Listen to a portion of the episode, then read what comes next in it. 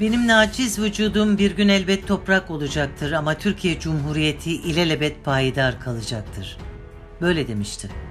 Çevresine ve tüm vatana sızmış solucanların onun ölümünden sonra hızla faaliyete devam edeceklerini biliyordu. Aynı zamanda bu milletin azmine ve iradesine sonuna kadar inanıyordu. Bugünküne çok benzer şartların içinden geçmiş, hiyanetin her çeşidiyle yüz yüze gelmişti. Anadolu fiilen işgal edilirken aynı zamanda çeşitli cemiyetler vasıtasıyla içten çökertme operasyonu da devreye girmişti.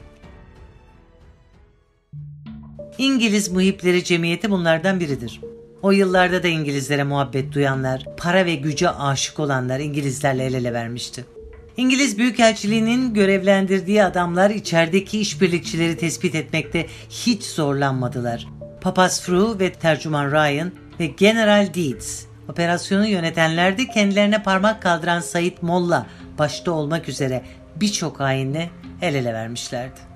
İngiliz Severler Cemiyeti'ni içeriden biri kurmalıydı. Said Molla'da karar kıldılar. Taktik İslamcı tarikatlarla işbirliği yapılarak büyük kitleleri etkilemekti. Sonuç İngiliz İslamı olacaktı.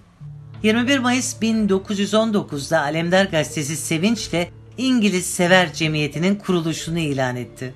Birkaç ay sonra Said Molla, Papaz Fru'a yazdığı mektupta cemiyetin gizli amaçlarını teyit etti. Onları hatırlayalım. 1. Anadolu'da ayaklanmalar çıkarmak. 2. Milli iradeyi felç etmek. 3. Kurtuluş için tek yolun İngiliz himayesi olduğunu yaymak. 4. Suriye, Filistin ve Irak'ı İngiltere'ye bağlamak için çalışmak. Bu çalışmalar sonuç verdi. 1919 ve 20'de Aznavur isyanı, Bolu Düzce isyanları, Konya Bozkır isyanı, Cemil Çeto Kürt isyanı, Pontus Rum isyanı, Yozgat Zile isyanı İngilizlerden gelen altınlarla örgütlenmişti. Devamı da gelecekti. İngiliz Muhipleri Cemiyeti kurulduktan yaklaşık bir yıl sonra İstanbul'u İngiliz çizmesi çiğnedi. 16 Mart 1920'de İstanbul İngiliz işgali altına girdi. Türkler sokağa çıkamıyordu. Cemiyet kısa zamanda o kadar etkili oldu ki 11 Nisan 1920'de Osmanlı Meclisi'ni kapattırmayı becerdi. İngiliz sever Alemdar gazetesi geç kaldılar daha önce gelmeliydiler diyordu. Papaz Fru Said Molla ile el ele İngiliz İslam'ını yaymaya başladı. İngiliz Muhipleri Cemiyeti'ne mensup imamların sayısı çoğaldı. Bu imamlar Yunan işgal kuvvetlerine destek vaazları verdi. Kendi milletinin katline seyirci kaldı. Bu arada Şeyhülislam Dürüzade'den sadrazamlara, nazırlara kadar İngiliz parası cebine girmeyen hain kalmamıştı. Anadolu'da Kurtuluş Savaşı için şuralar toplayan Mustafa Kemal'in kellesini istediler.